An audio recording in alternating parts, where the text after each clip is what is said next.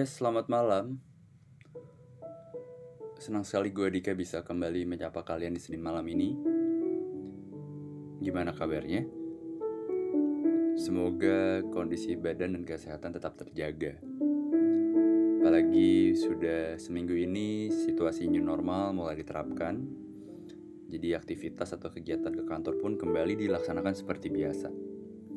Jadi jangan kaget kalau soal angka kasus COVID-19 yang seminggu ini ditemukan lebih dari 1000 kasus per hari itu akan tetap bertambah atau mungkin konsisten di angka 1000 gitu karena sudah banyak orang yang bepergian uh, mulai melakukan aktivitas di luar bersama orang-orang dan juga mungkin karena kantor sudah mulai buka, uh, pusat perbelanjaan sudah akan dibuka kembali per minggu ini.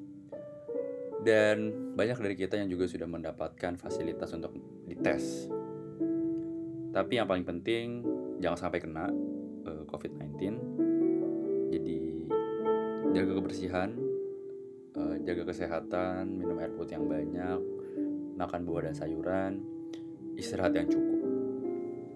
Karena ya kita nggak bisa bergantung sama obat, kita nggak bisa bergantung sama vaksin yang entah nggak tahu kapan bisa hadir dan kita bisa dapat vaksin itu kita nggak pernah tahu kan. Well hari ini topiknya cukup sentimental.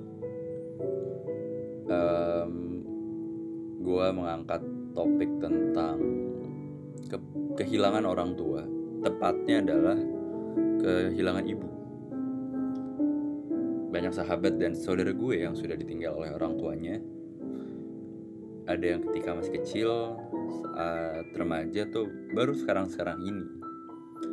Nah melihat apa yang terjadi di di kehidupan gue tentang mereka yang kehilangan ibunya tuh membuat gue merasa bersyukur. Hanya dengan melihat orang tua gue yang masih sehat dan masih lengkap tuh ternyata seperti suatu kemewahan yang gak ada harganya. Karena mereka yang telah kehilangan orang tuanya lebih banyak menceritakan kenangan daripada rencana bersama orang tuanya. Kenangan itu hanya akan bisa diceritakan dan diperlihatkan kembali, tapi kita sudah tidak bisa melakukan lagi bersama mereka. Kalau rencana, kita masih punya angan-angan bersama mereka untuk melakukan sesuatu, entah itu besok, lusa, atau beberapa waktu ke depan.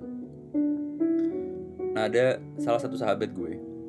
Dia adalah adalah sahabat di kampus gue orangnya sangat tertutup nggak pernah hampir nggak pernah cerita tentang personal mattersnya dia.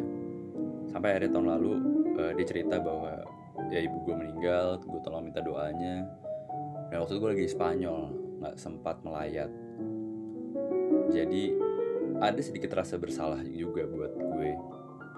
Tapi gue senang dan gue terharu dia akhirnya mau membagikan kisah kisah dari awal ibunya uh, jatuh sakit sampai ibunya wafat di podcast ini. Karena gue tahu untuk menceritakan kepergian orang tua baik ayah atau ibu itu adalah hal yang tidak mudah. Karena gue juga masih menemukan teman-teman gue yang lah masih memutuskan untuk ah gue nggak mau ngomongin deh. Karena semakin gue omongin akan semakin sedih. Jadi gue berterima kasih dengan dengan sahabatku ini yang akan memberitahukan siapa namanya untuk bersedia bercerita dan berbagi membagikan kisahnya. Jadi buat kalian yang rindu ibunya atau rindu ayahnya, selamat mendengarkan episode 16 hanya di Hello ETL.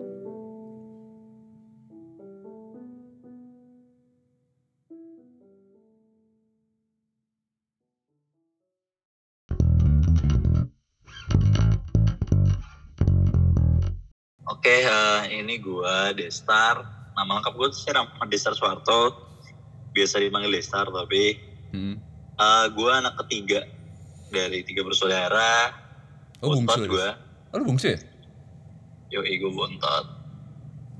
Terus, terus? Bontot. Gue salah satu cowok dari tiga anak dari orang tua gue. Hmm. Uh, apalagi kayaknya?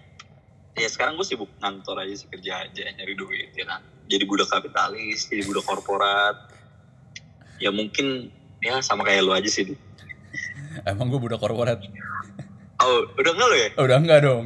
oh iya udah enggak ya sebelum sebelumnya sama lah Eh, rasanya Apa jadi lagi ya? eh, ntar lu gue mau nanya, rasanya jadi anak Ah. ja- rasanya jadi anak bontot gimana dan kakak-kakak lu cewek semua? gue nggak tahu nih perbandingannya secara kalau di compare sama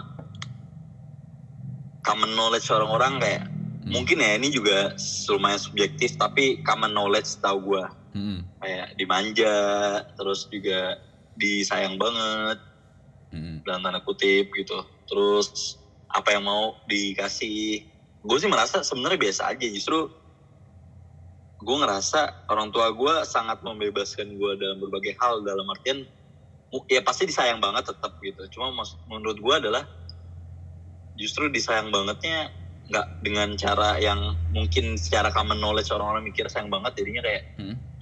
jadi diarahkan dan nggak boleh ke mana-mana contohnya dikit banget segala macem gue sih malah mungkin kebagian dari itu ya walaupun gue yakin sangat disayang banget juga gitu Hmm. cuma gue lebih bebas memilih apa yang gue ingin lakuin dan apa yang gue rasa baik buat gue Hmm.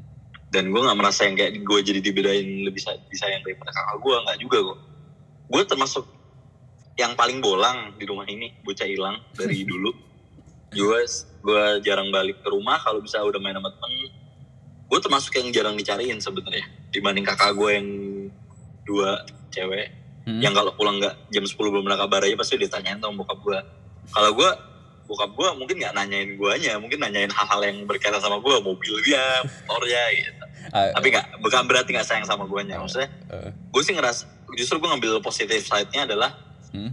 em, ya emang karena orang tua gue percaya sama gue gue nggak akan Hmm. dalam tanda kutip dalam definisi umum juga ya gue bicara ngebandel dalam definisi umum.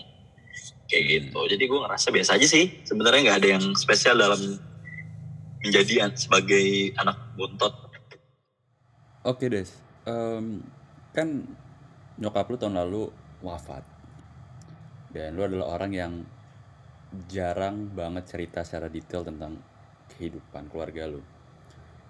Em, mungkin sekarang lu bisa nggak sih eh, sedikit berbagi cerita kepada kita semua, mungkin dari awal mula nyokap sakit hingga pada akhirnya wafat. Ini buat yang dengerin bener banget kalau Dika bilang tadi sebenarnya gue sama Dika ada lagi teman-teman kita cowok-cowok kita bilangnya dua pedang ya Dika ya.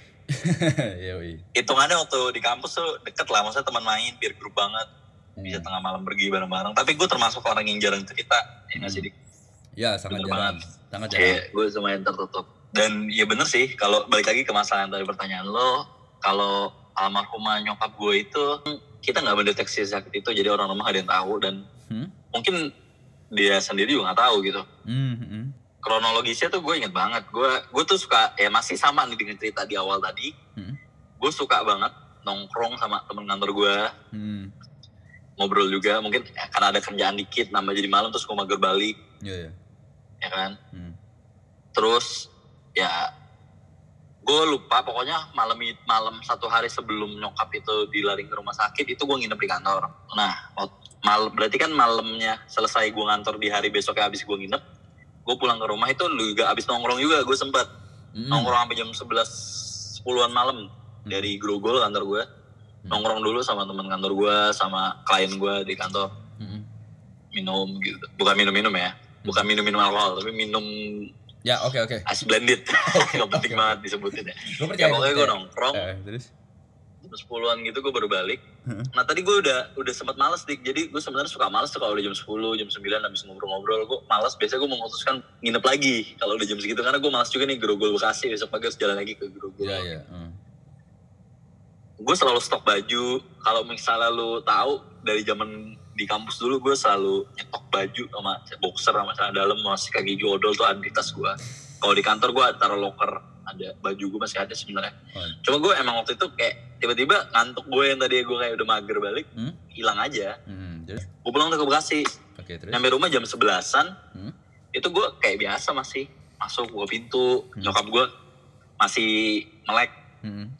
masih main HP dia kan emang seneng main HP temennya banyak banget temen SD Hmm. nya temen SMP temen SMA itu masih suka aktif reunian WhatsAppan grupnya tuh rame banget ya biasa canda-candaan bokap-bokap nyokap-nyokap gitu Hmm. yang nggak tahu gue lucu di mana tapi rame aja terus Hmm. cuma dia dia masih main HP masih WhatsAppan gue lihat masih nyapa biasa Hmm. Gua masuk jam 11 lewat lah itu masih ngeledekin gue jadi Hmm. gue ya gue sering banget kan ganti kaos kaki kayak tiga empat hari sekali di bau batu emang kaki gue kan. Astagfirullahaladzim, jorok. Iya bau banget. Terus ya kayak masih ngeledek. Wah.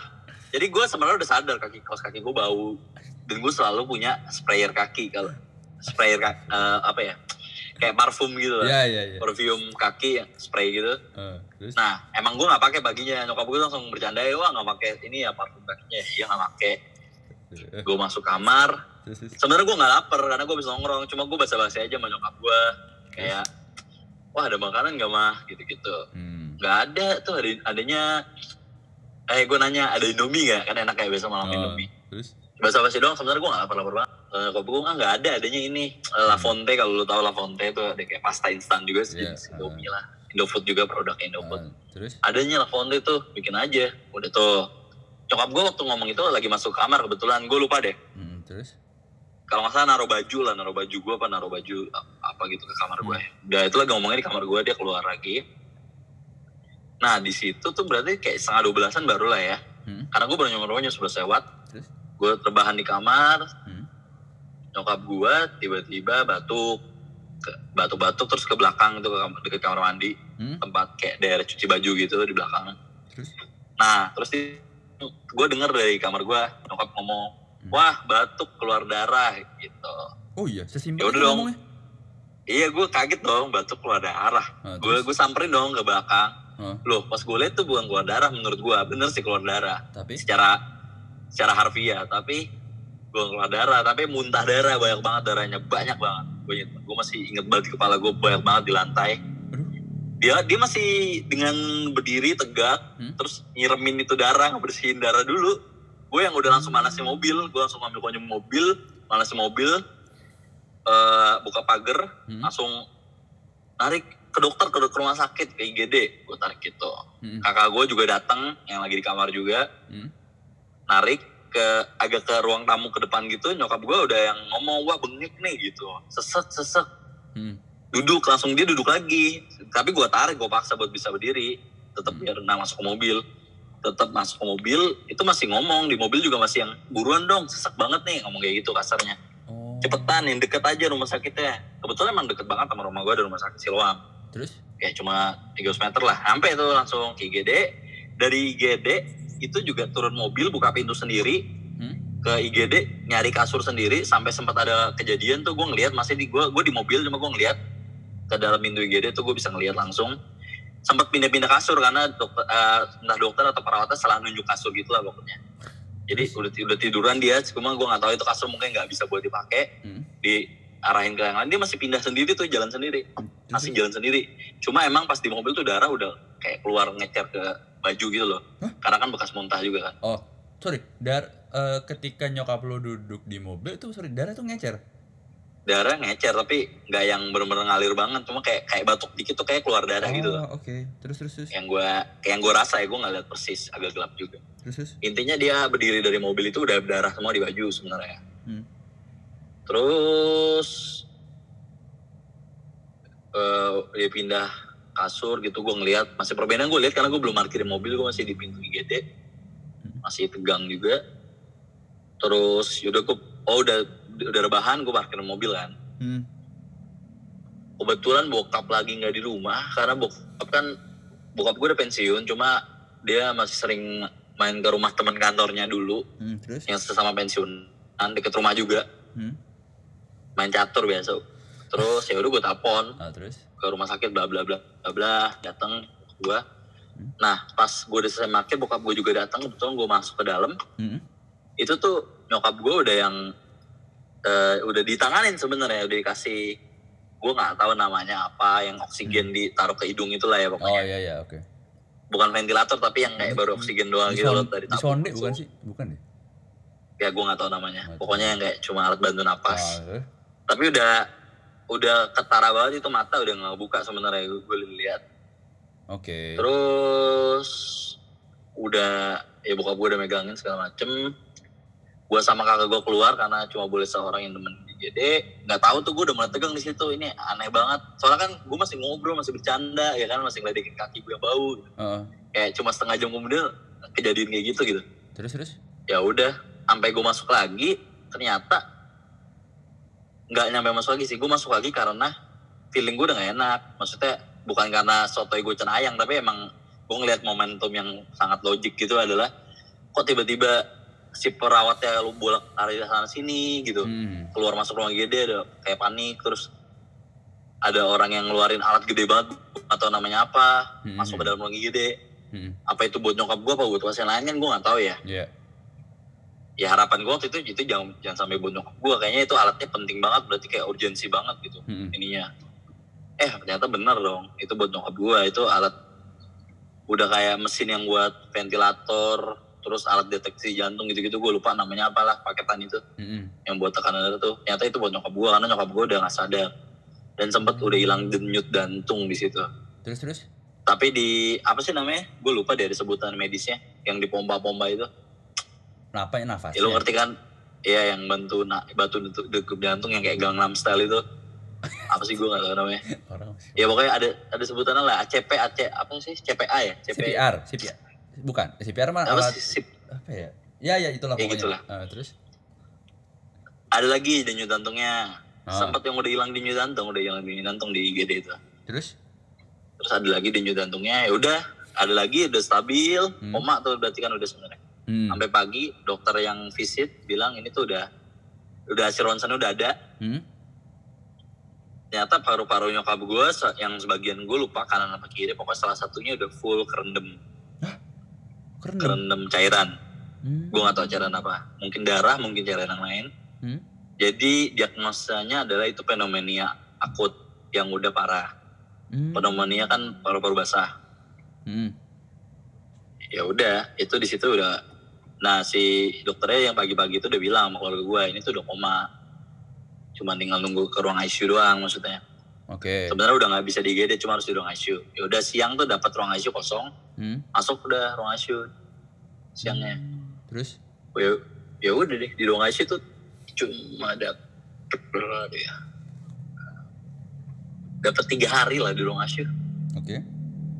udah s- eh, pergi aja kondisinya bukan yang membaik sih cuma sempat membaik sih sehari jadi tuh itu gue inget banget hari Kamis tuh masuk ruang ICU Kamis siang Hmm. Jumat itu udah kayak lebih baik daripada hari Kamis Hmm. cuma susternya itu sama dokternya masih bilang itu masih alat banget yang bantu hidupnya Hmm. maksudnya lebih baik tuh kita ngeliatnya indikatornya kan dari itu kan monitornya ada ya misalnya denyut jantungnya udah mulai stabil Iya iya. terus tensinya udah mulai stabil nggak rendah banget Hmm. itu hari Jumat jadi ya jadi ya kita mikirnya ya udah emang better gitu nah tapi ternyata di Sabtu itu drop lagi denyut jantungnya kayak orang lagi lari gitu kan sebenarnya itu nggak sehat kan kayak gitu Iya nggak apa? lu lagi lu lagi tiduran tapi denyut, denyut jantungnya kenceng kayak lari kan itu Oh. oh. gue lupa berapa pokoknya itu denyut jantungnya kata dokter itu nggak normal banget ya gue ngebaca Google tuh nggak salah normalnya 60 sampai 100 itu Hmm. 140-an apa padahal lu lagi tiduran aneh banget jadi Hmm. maksudnya itu udah nggak berarti udah nggak normal Hmm. terus darahnya tekanan darah itu udah rendah banget deh Hmm. sorry, sorry. udah rendah banget Hmm. ya udah Sabtu siang sampai malam tuh udah memburuk terus Hmm. sebenarnya secara medis itu kalau nggak salah setengah sebelas tuh keluarga gue udah dikumpulin ke Oh. dalam ruang Hmm. ICU Hmm. udah dikasih sama dokter ini secara medis sebenarnya udah nggak ada tapi emang mas maksudnya secara medis sudah nggak ada tapi gue lupa pokoknya intinya belum mati 100% gitu loh belum meninggal 100% Ya ya ya. Ngerti gue. Ah, dokter bilang ini ini udah nggak ada harapan lah kasarnya Hmm. ya udah ya kita cuma gue sih pribadi udah pasrah di situ Hmm. ya gue pokoknya itu momen-momen di mana gue ngerasain banget ternyata yang kayak di TV-TV di FTV di sinetron tuh setegang itu ya duduk di depan ruang ICU Eh, yang lu nggak bisa lihat nyokap lu setiap saat hmm. cuma di jam-jam ya gue pun kita pun keluarganya cuma bisa masuk di jam besok doang gitu kan dan Hmm. sebentar-sebentar Hmm. berasa banget jadi tegangnya setiap ada keluar perawat dari ruang ICU tuh kayak tegang gitu kayak apa ini mau dipanggil apa nih mau dipanggil apa nih hmm. kabar baik kabar buruk kayak gitu berasa banget yang sinetron tuh gue bisa relate banget sama yang di sinetron sama di FTV itu udah di situ. Hmm. sampai setengah satu hari minggu tuh gue banget. Kan tadi kan satu malam tuh udah drop setengah sebelasan tuh. Dokter yeah. udah bilang nggak ada secara medis. Setengah satuan itu di hari ya baru tiga jam setelahnya lah ya berarti. Hmm. setengah dua belas setengah satu eh nggak dua jam setelahnya. Udah nyatain beneran udah nggak ada ya udah. Di situ sih. Udah lepas alat semua ventilator semua dilepas oh gue mau nanya soal yang medis uh, setelah ketahuan hmm? apa ketahuan nyokap lo ada cairan di paru-paru apakah dari mereka tidak mengupayakan untuk mengeluarkan cairan itu? Gue nggak tahu sih di jujur gue. Maksudnya ya gue sih sama keluarga gue kan gak ada yang tahu uh-uh. medical secara dalam gitu. Maksudnya kakak gue emang kesehatan masyarakat tapi maksudnya secara teknis itu kan dokter banget. Yeah. dan dokter umum ya maksudnya dokter pun spesifikasinya beda-beda gitu kan. Hmm. Gue nggak tahu sebenarnya langkah yang harus diambil tuh apa gue nggak tahu. Jadi kita percaya aja sama tim medis sama tim dokter. Hmm. emang waktu itu kan dokter itu sarannya gue inget banget sih yang dokter yang pagi itu yang bilang ini koma benar-benar akut. Sarannya adalah ya udah ini pokoknya dikasih perawatan dulu kasih alat sampai kondisi stabil. Baru nanti dilihat penanganan selanjutnya. Yang gue inget kayak gitu hmm. jadi emang langkah pertama yang gue inget adalah langkah terbaiknya adalah di stabilin dulu kondisinya. Gue nggak tahu kalau misalnya ada tindakan operasi atau apa nanti setelah stabil mungkin. Tapi ternyata kan emang nggak ketolong nggak stabil stabil. Ngedrop terus. Iya sih. Sebenarnya mungkin ya itu nyokap itu sering sesek kan? Hmm. nyokap gue mak gue ya gue bilang mak gue ya deh. Mak gue sering bahas sesek tuh. Hmm. cuma emang dari zaman dia kecil itu dia punya asma oh, oke okay. jadi bias juga tuh kita juga dia pribadi pun ngerasa itu asma-asma doang dan sering ke dokter kalau asma hmm. IGD juga pernah beberapa kali gue lupa deh sekali apa dua kali ke IGD pas sudah agak sekarang sekarang ini beberapa tahun terakhir juga ada ke IGD karena asma karena buat diuap doang tuh ada gitu. hmm. jadi ya mungkin kemarin-kemarinnya ada sesak juga cuma kita udah biasa dan dia pribadi pun udah biasa ngerasain sesak jadi biasa ada obatnya juga dari dokter, sejenis obat asma gitu ada, itu konsumsi. Kalau ada bunga dikit, ngerasa berat dikit apa konsumsi. Nah, cuma gue nggak tahu juga, kita nggak ada yang tahu, pun dia nggak ada yang tahu kalau ternyata sesaknya itu beda nih yang ini. Hmm. Maksudnya bukan asma yang biasa dirasain. Oke, wow. Bisa Jadi ketutup, bias lah, ketutup kita nggak tahu juga um, menurut lu nih sosok nyokap lu tuh di mata lu seperti apa sih? Sosok nyokap gua di mata gua, dia tuh orang yang woles banget sih menurut gua. Oke. Okay. Ya, nyantai banget terus juga gua nggak deket sebenarnya sama orang tua gua. Kalau menurut gua pribadi, subjektivitas gua sih gua ngerasa gua nggak deket. Hmm. Dibanding mungkin teman-teman gue yang kayak bisa cerita sama cerita apa pun hmm. tentang kehidupannya sama orang tuanya. Hmm tentang cowok tentang cewek hmm. tentang gebetan mungkin bisa cerita sama orang tuanya gue nggak kayak gitu sebenarnya oke okay. dan ke, ke nyokap gue pun nggak kayak gitu tapi gue pribadi merasa gue emang lebih dekat sama nyokap gue dibanding bokap lo lebih dekat, lebih dekat sama sama, mak gue ya dibanding bapak gue oke okay. gue menurut gue pribadi ya hmm.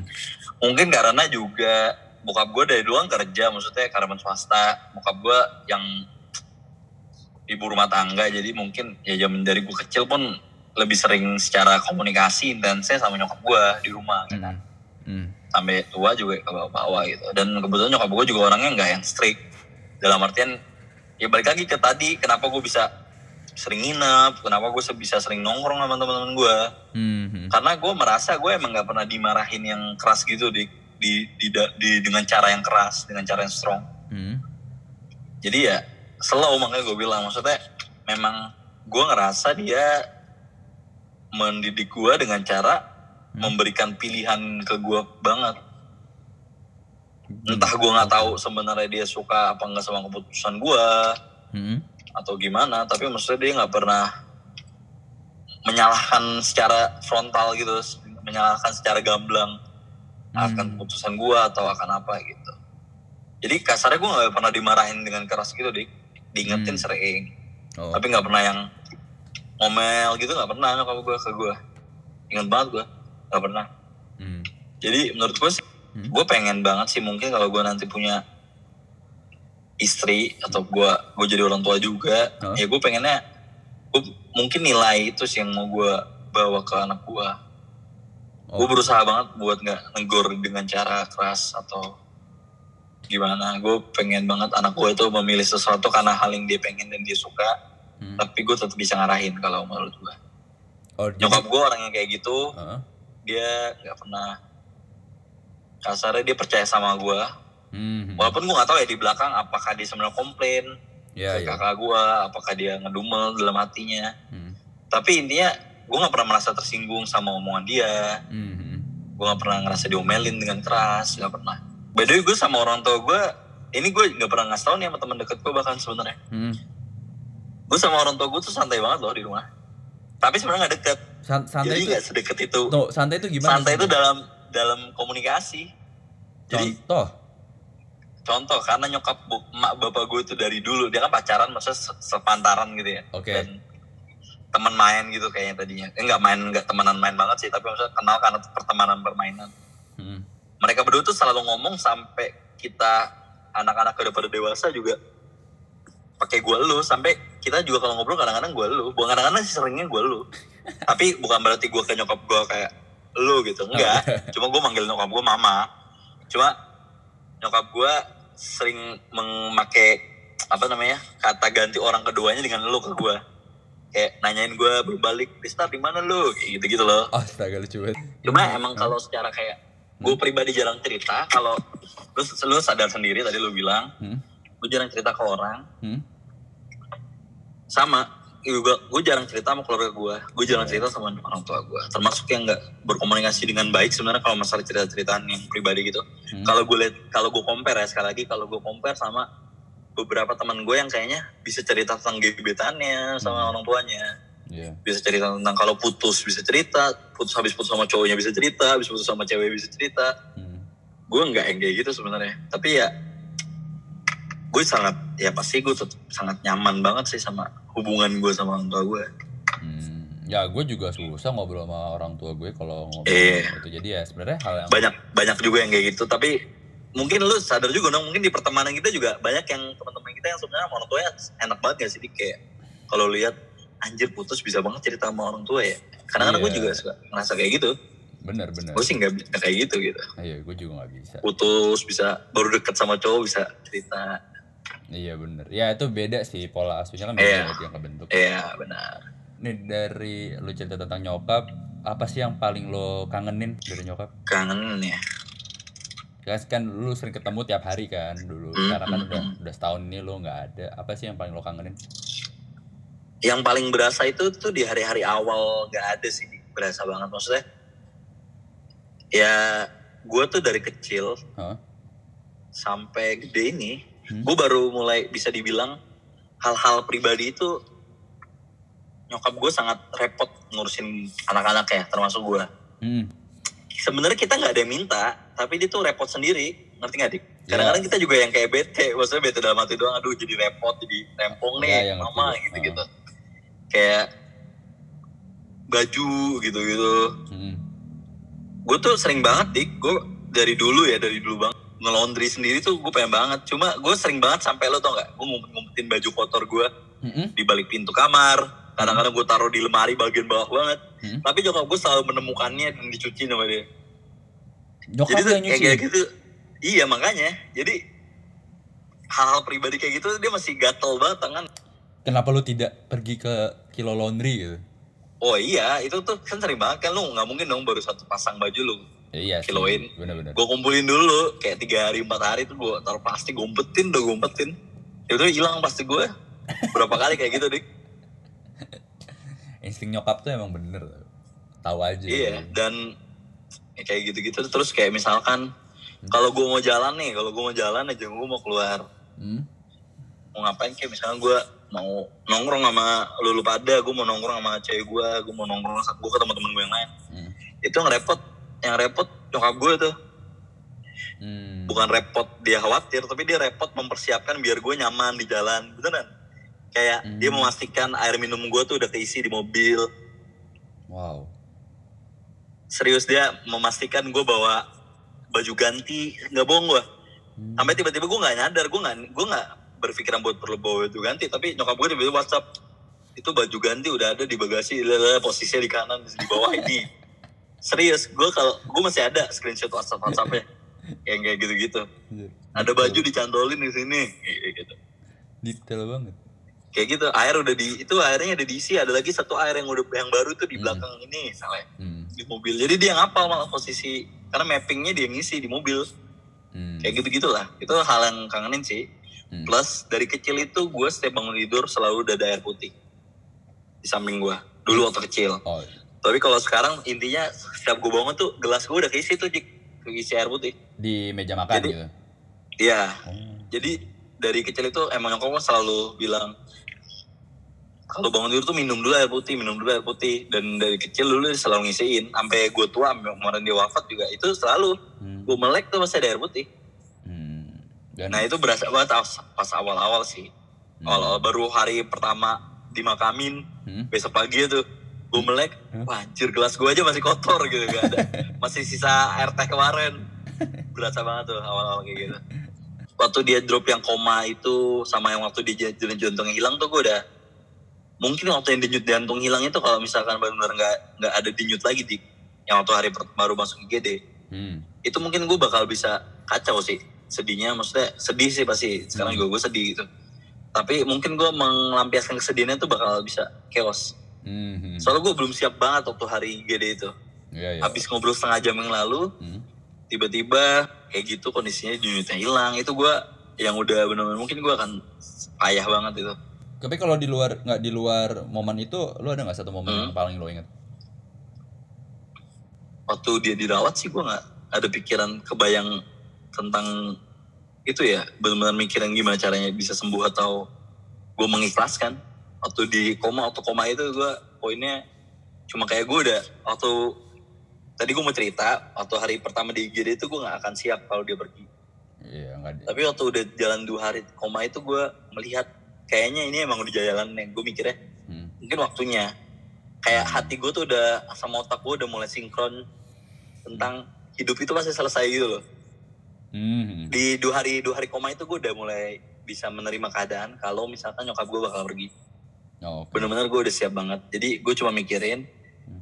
yang gue pikirin selama koma itu adalah gimana cara bisa sembuh atau gue bisa siap mental gue kalau misalnya pergi kapan pun hmm. bener-bener banget nyata yang kedua pergi kapan pun yang kejadian dan hmm. puji Tuhan alhamdulillahnya hmm. ya gue mungkin karena udah ada proses ada koma itu yang gue syukuri adalah gue bener-bener udah siap banget kalau gue pribadi gue ngerasa waktu dokter bilang secara medis sudah nggak ada itu gue udah nggak yang histeris hmm. gue udah oke okay. ya hmm. ini jalannya udah waktunya hmm. mama pergi segala macem gue dalam hati cuma berpikir kayak gitu doang jadi kalau misalnya keinget bayang-bayang waktu lagi sakit sih nggak ada benar-benar keingetnya pas udah selesai pemakaman udah hari-hari pertama hari kedua seminggu pertama itu gue hmm? sampai sekarang juga masih suka keinget sih apalagi kalau gue buka WhatsApp sih dik. Kenapa? WhatsApp gue sama nyokap itu ya yang tadi gue bilang sebetapa menunjukkan repotnya nyokap, gue sama gue gitu sampai gue udah setuain gitu. Hmm. benar-benar yang kayak nanyain misalkan gue gue mau ngantor malam ya maksudnya jam 7 tuh baru beres kerja. Hmm. kayak ada tukang somai itu sering banget dari dulu gue kecil langganan gitu hmm. di rumah hmm. nanya ada somai mau nggak jam 5 tuh sering sampai kemarin mau meninggal juga masih nanya somai mau nggak kalau mau dibeliin kalau mau dibeliin gitu, gitu terus masih yang kayak nanya makan siang apa gitu-gitu masih masih kayak gitu hmm. jadi keinget banget gue jadi ada habit di mana gue setiap makan siang itu karena mungkin sering kadang dibekelin juga sama dia yeah. Atau nggak dibekelin pun gue selalu ngirim foto makan siang gue ke dia. Oke. Okay. nah, dan itu sampai sekarang gue jadi keterusan itu sama cewek gue gue selalu ngirim foto makan gue karena gue ya itu. Tadinya gue selalu ngirim karena tiap hari gue masih ngirim ke nyokap gue ngirim dan, foto via WhatsApp. dan cewek lu terus sekarang gue jadi Ce cewek lu fine fine aja? Fine fine aja sih. Oh. ya fine fine aja kan ada gue selalu ngirim foto. Hmm. Kan ada apaan sih nih orang gitu ngirim foto mulu? Enggak enggak lah. Eh nggak tahu juga sih. Ntar gue tanya dulu. Siapa tahu ya. Ya makanya kan Juga. nggak tahu. Jadi apaan sih? Bener juga lah. Em, lu ada nggak sih eh, satu hal yang sampai sekarang belum kesampaian untuk nyokap? Hmm, enggak sih gue sebenarnya ya pengen sih gue saya pengen banget ngajak nyokap tuh traveling yang jauh gitu. Tuh Hmm. Karena dia tuh suka banget jalan-jalan. Di beneran dia literally suka jalan-jalan. Hmm. senang banget dia travel. Traveling senang banget. Mhm. kayak karena yang tadi gue bilang dia tuh punya grup SD SMP SMA Hmm. itu sering ngumpul. Itu seneng banget dia kayak bisa jalan-jalan ngumpul doang aja tuh seneng banget. Oh. Jadi gue pengen banget ngajak dia traveling sebenarnya. Belum sem- sempet sih. Sebulan sebelum meninggal tuh kebetulan gue lagi bisa-bisanya banget ngajak jalan-jalan tuh. Hmm. ke Bali kan gue waktu itu. Sebulan sebelum. Jadi kemarin tuh lebaran 2019 tuh gue di Bali tuh Di- oh.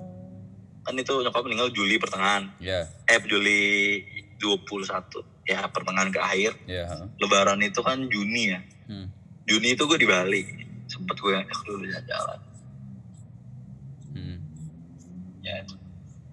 Yang belum kesampaian sih kalau bareng sama dia jalan-jalan ya. Cuma kalau yang gue pribadi sebenarnya ada sih.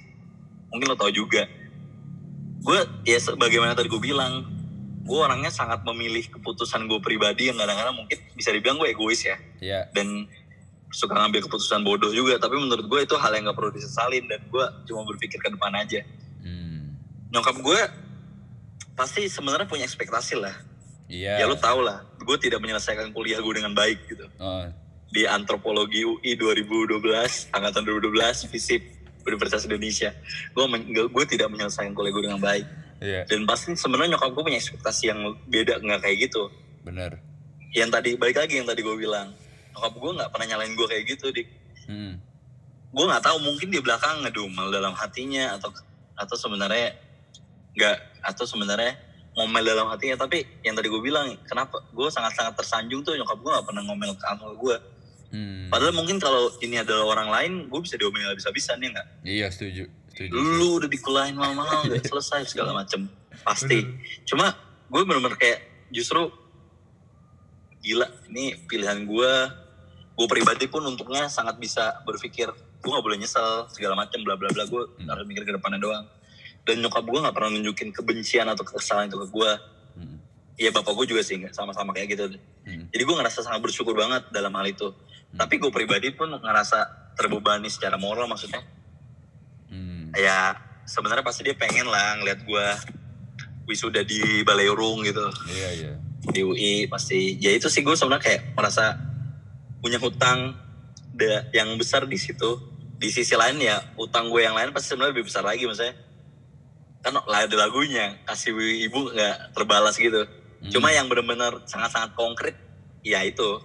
Sisanya pasti ya banyak banget gue utang budi utang segala macem. Cuma yang sangat jelas dan konkret ya masalah gue nggak tidak menyelesaikan kuliah gue di UI dengan baik. Hmm. itu Apakah sampai kemarin tuh sebenarnya waktu koma itu gue juga sempat kayak berharap banget sih. Dibangunin 10 menit atau 20 menit aja gue seneng banget Hmm. habis itu pergi. Maksudnya kalaupun pada akhirnya pergi Hmm. tapi sempet nyokap gue disadarin 20 menit aja gue pengen banget ngobrol sama dia Iya iya, ngerti. pengen banget gue minta maaf segala mungkin hal-hal yang mungkin buat dia sebenarnya eh, menyedihkan hati dia tapi dia nggak bisa menyampaikannya secara frontal ke gue Hmm. dia nggak bisa ngomel ke gue Hmm. Iya iya. karena gue yakin nggak mungkin orang tua mana yang nggak kecewa anaknya nggak selesai kuliahnya Iya iya. cuma iya, iya. yang gue salutin adalah gue gue nggak dimarahin Hmm. gue malah bikin dan itu bukan bikin gue jadi bandel maksudnya kayak ya nggak dimarahin enggak tapi gue sebenarnya malah terbebani secara moral Hmm. gila segitu percayanya sama gue tentang pilihan hidup gue Hmm. intinya sih waktu itu gue cuma ngerasa utang gue seharusnya gue bisa bisa ngobrol maksudnya gue bisa minta maaf secara langsung Hmm. gitu Wow. Oke, dan mungkin eh, bukan cuma hal itu aja sih maksudnya gue gue pengen banget minta maaf kalau yang gue bilang tadi 20 menit dikasih bangun aja Hmm.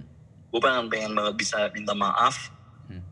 untuk berbagai hal yang mungkin gue lakuin dan mungkin menyinggung mungkin menyakiti mungkin mengecewakan tapi dia nggak pernah nunjukin kalau dia kecewa Hmm. dia nggak pernah nunjukin kalau dia sakit tersakiti dia nggak pernah nunjukin kalau misalnya dia eh, marah atau emosi Hmm. yang itu yang mau gue pengen sampein gue bener-bener pengen minta maaf Hmm. cuma memang nggak dikasih juga tuh waktu 20 menit pun gitu sama Tuhan gitu sih Ya, lu udah dikasih 20 menit untuk ngobrol terakhir soal Superman kan? yo eh tentang kaki dan Indomie ya Yo. itu ya itu memorable banget sih benar Epic sih. Eh, ada gak sih pesan dari nyokap yang paling lu pegang? nyokap gue sih bukan tipikal yang suka dia bukan tipikal pembicara juga sih maksudnya nggak nggak suka yang berpetuah sebenarnya di Oh. dia nggak suka ngomel dan juga nggak suka berpetuah dan bernasehat nggak Hmm. cuma jadi pas gue tua-tua gini tuh jarang banget dia kayak ada gue nggak pernah nangkep sih ada satu atau dua kalimat petuah gitu ya gue nggak pernah dapet ya Hmm. cuma waktu gue kecil ya waktu gue kecil tuh gue inget banget sering banget nyokap ini gue nggak tahu nih sebenarnya ag- ya seksis juga sih masa nggak seksis sih tapi nyokap itu bilang jangan pernah nyakitin cewek gitu. Maksudnya Oh, iya. apalagi sampai fisik. Oh, itu gue juga, di, gue Itu- juga pegang itu. Iya itu gue dan itu gue tertanam banget sama gue mungkin nyokap gue berhasil meng internalisasi nilai itu dengan baik sampai gue tua. Ini gue inget banget omongan itu. Hmm. jangan pernah nyakitin cewek apalagi mukul atau secara fisik kayak gitu. Mungkin gue nggak segitunya idealis wah iya.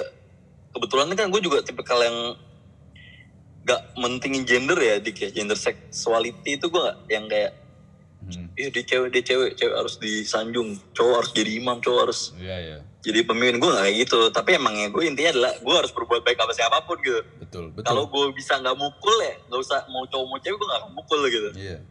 ya lebih ke situ kalau gue pribadi cuma itu kebetulan tertanam banget di otak gue Hmm. pengaplikasiannya gue lakuin apa enggak gue juga nggak tahu tanpa sadar apa iya gue nggak tahu Hmm.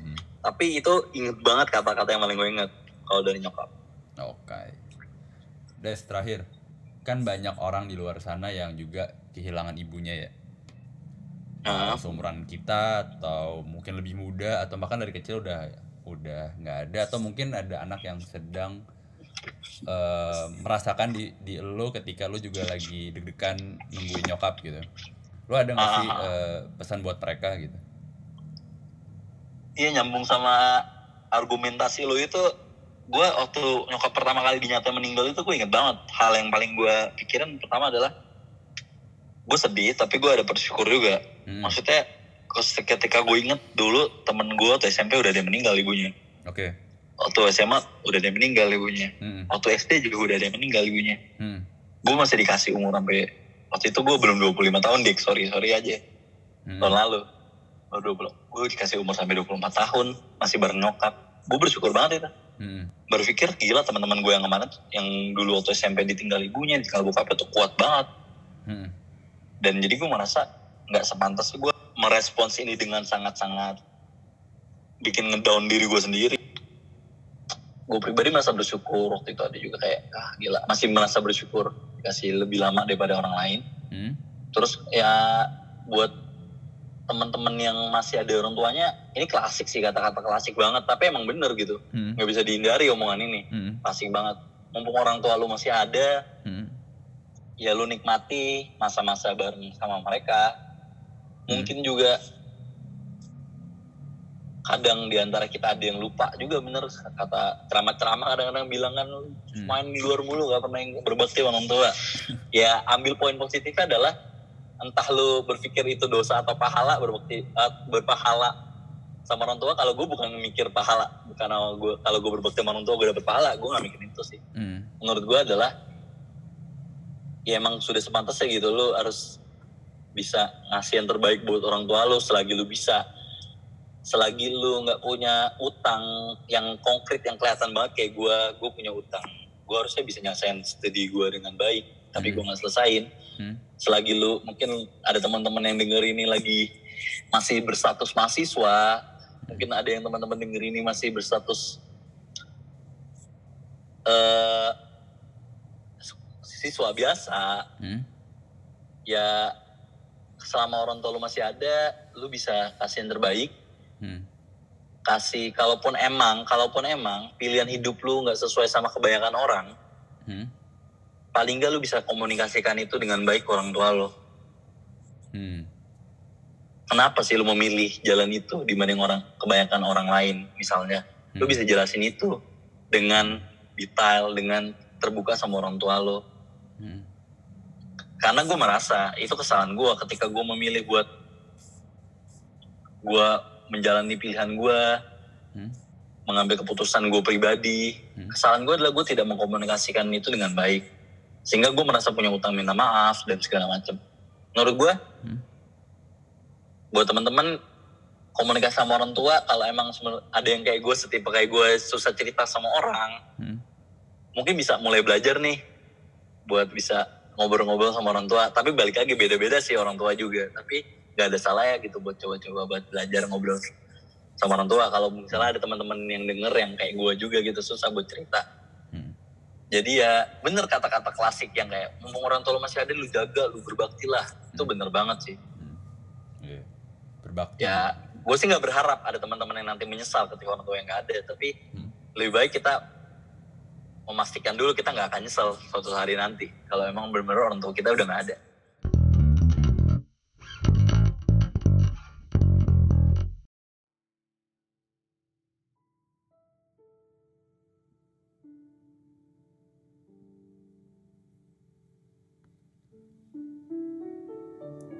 itulah tadi cerita dari Destar Dan gue sendiri gak bisa membayangkan sih kalau gue jadi dia.